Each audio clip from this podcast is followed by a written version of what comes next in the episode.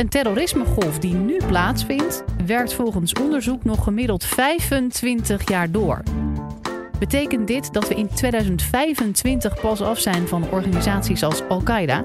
Nou, je hoort er alles over van terreurdeskundige Beatrice de Graaf van Universiteit Utrecht. Zij gaat deze week in op de vraag: kunnen we terrorisme helemaal uitroeien? Dit is de Universiteit van Nederland. Op 4 november 1979 viel een grote groep Iraanse studenten, leden van de Muslim Brotherhood, een ambassade binnen. Ze namen 52 diplomaten in gijzeling voor 44 dagen lang. President Carter noemde deze, noemde deze daders uh, terroristen en hij noemde de slachtoffers victims of terrorism and anarchy.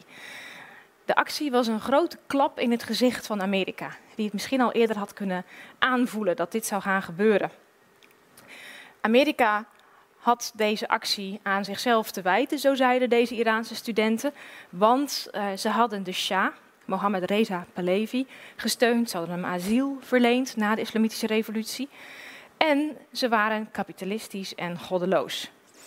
Wat gebeurde er met deze bezetting? Hij duurde 444 dagen, dus enorm lang.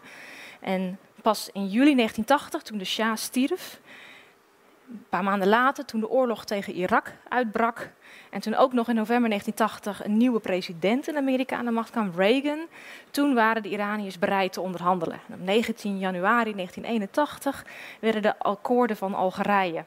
Uh, Algiers getekend. En dat betekende dat de vrijlating van deze diplomaten geregeld kon worden tegen een x aantal banktegoeden en ook uh, tegen vrijwaring van schadeclaims. Twintig minuten nadat president Carter aftreedt, werden de diplomaten vrijgelaten. Waarmee president Reagan, en dat schijnt ook een deeltje geweest te zijn, de vrijlating voor zichzelf kon opeisen. Waarom was deze aanslag, deze bezetting nou zo'n mijlsteen in de geschiedenis van terrorisme? Nou, het is een daad die met terugwerkende kracht het begin van de vierde golf van terroristisch geweld markeert, zou je kunnen betogen. Je hebt vier golven van terroristisch geweld, zo zeggen terrorismeonderzoekers in de moderne tijd. De eerste golf is het anarchisme, de tweede golf decolonisatie, terrorisme, de derde golf rode terreur.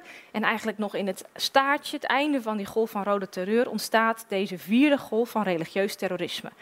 Is ook een mijlsteen in de geschiedenis, omdat deze daad alle schijnwerpers zetten op de islamitische revolutie in Iran. Het was voor het eerst dat een islamitisch, een theocratisch, sharia-geleid regime aan de macht kwam in de vrije wereld. Ayatollah Ruhollah Khomeini kwam aan de macht. Zijn slogan was: America can't do a thing. Ze kunnen helemaal niks doen. Wij zitten hier, wij nemen hun diplomaten in gijzeling. Hij gebruikte de crisis ook om er een theocratische grondwet door te krijgen. En hij werd een nieuw icoon.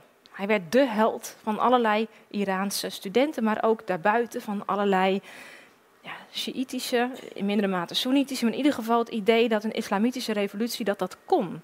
dus dat je niet met behulp van uh, nationale bevrijdingsbewegingen, Palestijnse bevrijdingsbeweging, seculiere acties, pan-Arabisme, Ba'athisme, nee, dat je op deze manier islamitisch een eigen staat kon vestigen. Interessant is overigens dat die Iraanse studenten eerst van plan waren de Russische ambassade te bezetten. Want, dat is pas later bekend geworden, want de Russen waren immers ook heel goddeloos. Toen werd er over vergaderd, drie tegen twee, drie waren voor de bezetting van de Amerikaanse ambassade. Kunt je afvragen als ze de Russische ambassade hadden bezet of de geschiedenis dan niet heel anders was verlopen. Nou, deze golf van terrorisme, waar we nu nog middenin zitten, als we ervan uitgaan wat Rappaport zegt, dat die golf 40 jaar duurt, duurt het nog wel een tijdje voordat die ophoudt. Is dit nou een golf waarvan vaak wordt gezegd dat hij teruggaat naar het verleden, blast from the past? Is dit nou een soort van pre-modern, uh, middeleeuwse vorm van terrorisme met handen afhakken, uh, hoofden afhakken, allerlei akelige acties? Nou, ik zou willen betogen dat dat toch niet het geval is. Het is niet een terugkeer naar de Saracenen of de Sicari of de thugs allerlei oude vormen van terroristische-achtige bendes, die ook wel eens worden opgevoerd als de eerste voorlopers van terroristisch geweld. Ik zou willen zeggen, nee, het is net als die andere drie golven. Het is een golf van modern terrorisme, omdat het eigenlijk samenhangt met de opkomst van de moderne nazistaat. En ze zich ook met moderne middelen uh, verzetten tegen bestaande staatsstructuren, maar ook met moderne middelen zelf een moderne staatsstructuur willen scheppen Het is ideologisch heel modern. Het is knip- en plakwerk uit eerdere ideologieën. Dus echt niet alleen maar een terug van hele oude ideologieën. Maar propaganda van de daad wordt bijvoorbeeld uit het anarchisme gehaald. Vorm van neo-marxistische kapitalisme-kritiek, anti-Amerikanisme wordt uit de tweede en de derde golf gehaald. Het is anti-imperialistisch.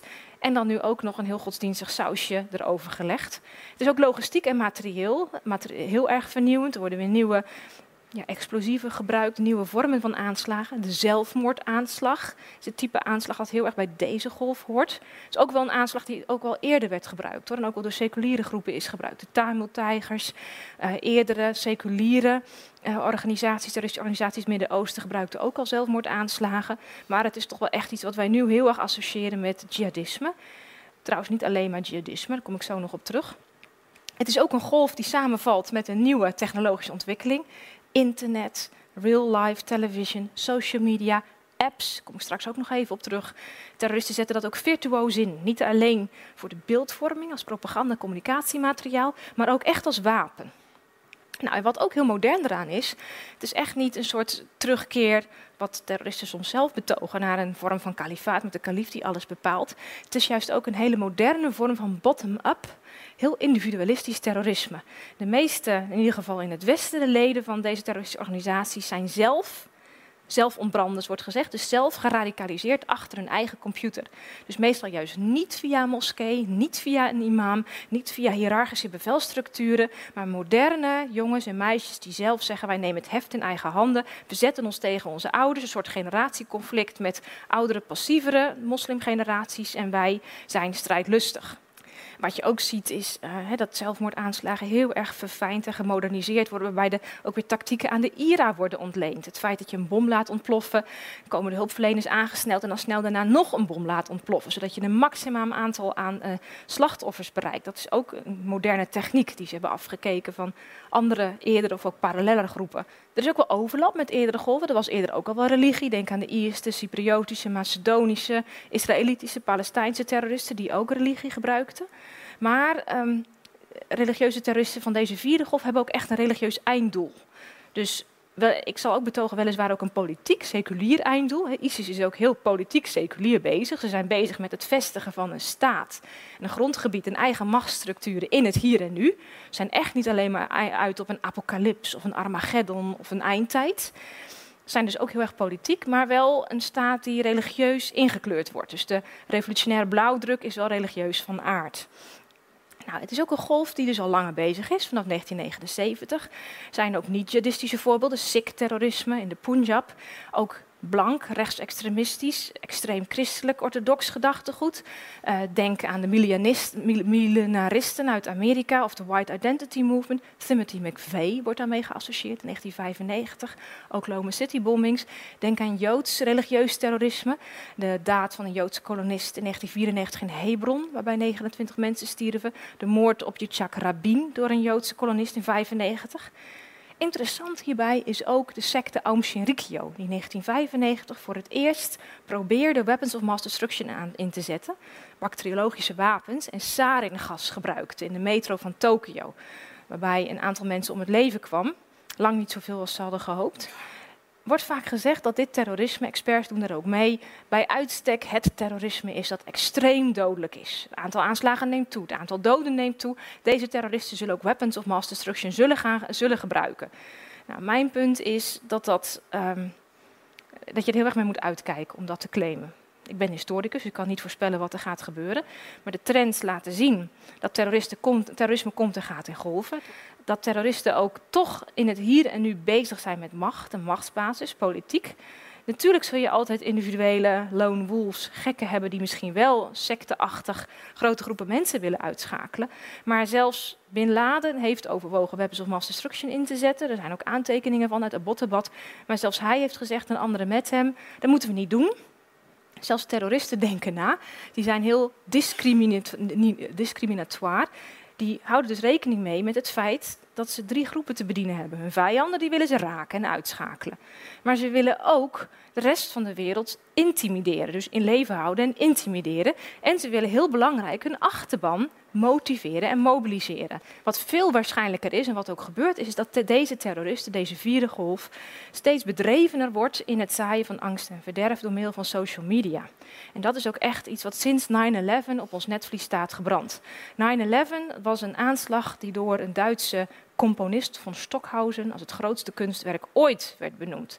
Daarmee bedoelde hij niet dat hij dit toejuicht, in tegendeel. Maar hij zei, het is het kunstwerk waarbij de uitvoerders hun eigen leven opofferen, wat overal wereldwijd wordt gezien en wat een beeld, een icoon, symbolische waarde is, heeft, wat gewoon eigenlijk niet meer te overtreffen is en wat nog steeds niet overtroffen is. Gelukkig maar, zeg ik dan. En wat ik zelf ook fascinerend vind aan dat beeld van 9-11, je zou ook Madrid kunnen noemen, je zou in Nederland ook de moord op Theo van Gogh kunnen noemen. Het zijn hele symbolische, schokkende, maar ook unieke en atypische gebeurtenissen. De meeste terroristische aanslagen zien er zo niet uit. Nee, want dan zou de een zo'n aanslag ook niet zo'n effect hebben gehad. Dus een unieke gebeurtenis leidt tot een systematische verandering van de bestaande orde. Een hele nieuwe perceptie. Dat heeft natuurlijk ook te maken met de social media. Het eindeloos herhalen van dit soort gebeurtenissen. Er is onderzoek gedaan, sociaal-psychologisch onderzoek, wat er gebeurt als je steeds die beelden van 9-11 ziet.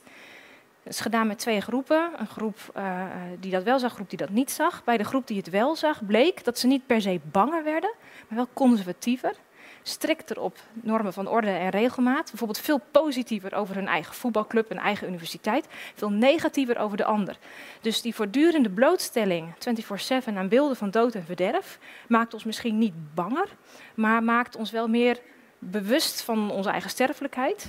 En maakt ons daarmee dat hebben sociale psychologen onderzocht, ook gevoeliger voor conservatieve, autoritaire ja, beleidsmaatregelen. Die worden dan sneller omarmd. Dus vandaar ook dat heel Amerika daarna, en daar zijn ook goede redenen voor te bedenken, achter Bush stond in de War on Terror.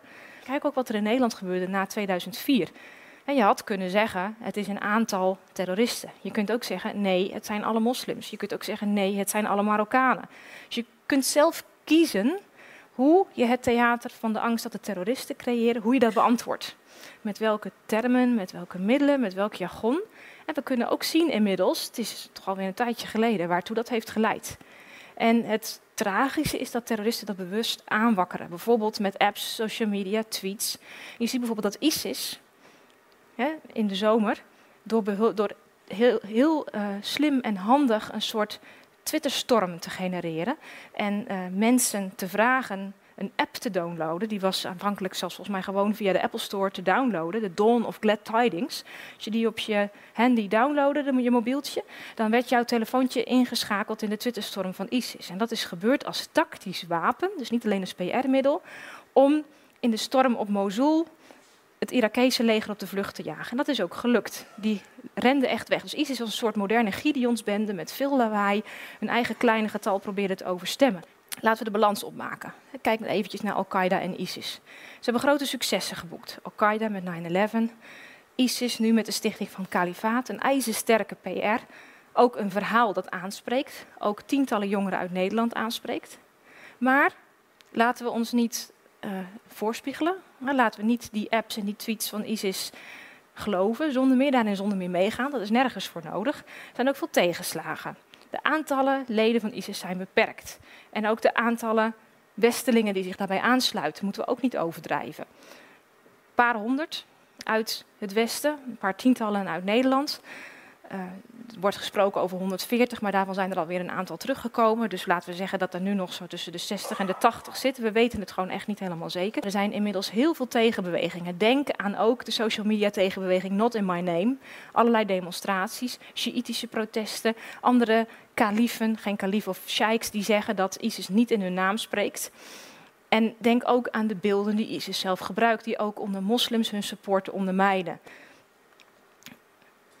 Dan komen we uiteindelijk bij de vraag. Het is heel lastig om nu al iets te zeggen over deze golf van terroristisch geweld, waarin die eindigt. John Kerry heeft gezegd: we moeten terrorisme uitroeien. Nou, dat kun je dus eigenlijk niet zeggen als, historicus. Je weet dat terrorisme niet is uit te roeien in de moderne tijd. Is het een komen en gaan van terroristische golven. Als we Rappaport's model volgen, zal deze golf nu ongeveer gaan afflauwen naar 2025, toe ten einde zijn. Maar tegen die tijd zal er alweer een nieuwe golf van terroristisch geweld zijn ontstaan, die we nu nog niet eens zien of doorhebben. Wat kun je doen met zo'n golf? Je moet hem beheersen, containen. Denk aan de containmentpolitiek van de Koude Oorlog. Soms kun je het negeren. Je kunt inspelen op de fouten die ze zelf maken. Je kunt een supportbasis ondermijnen. Je kunt tactisch harde klappen uitbrengen, repressie toepassen. Maar het antwoord moet dus niet zijn, dat kunnen we leren uit het anarchisme, uit het decolonisatieterrorisme, ook uit de golf van rood geweld. Dat overreactie in alle opzichten fout is. Het ondermijnt je eigen normen en waarden. En het leidt ook misschien tactisch tot succes, maar strategisch juist niet. Wat we wel weten is dat oorlogen pas echt tot slachtoffers leiden. Op het moment dat je ervoor kiest terrorisme te beantwoorden met een war on terror, dus met een oorlog, dan zie je dat het aantal slachtoffers pas echt omhoog gaat. Als we kijken naar de grafiek met dodelijke slachtoffers door terrorisme, zien we dat het aantal vanaf 2007 is gedaald, dat dat vanaf 2019 stabiel is, maar dat er drie landen zijn waar heel, regelmatig een heel aantal doden valt. Dat is Pakistan, Afghanistan en Irak. Dat zijn nou juist de gebieden waar een oorlogssituatie heerst. En in die situatie vallen er pas echt slachtoffers. Terroristen stoppen om meerdere redenen. Tactisch, door harde repressie, soms, heel soms. Strategisch, via een doorstart in de politiek, omdat ze vervolgens erkend en gerespecteerd worden. Of, en dat is eigenlijk wel het meest hoopvolle, denk ik, omdat ze hun eigen supportbasis verliezen. Ze gaan gewoon te ver. Ze hebben niet wat ze claimen wel te hebben, namelijk support en ondersteuning in de bevolking. Het zijn vaak ook maar gewoon amateuristen. Aanslagen hebben nooit een democratie de das om gedaan. Dat doen die democratieën hoogstens zelf. En Theater van de Angst, de grote uitdaging in deze vierde golf voor ons nu, is dat we in de wereld van 24-7 vermaken en infotainment moeten proberen die kraan van de media-aandacht dicht te draaien en dat theater zo klein mogelijk te houden.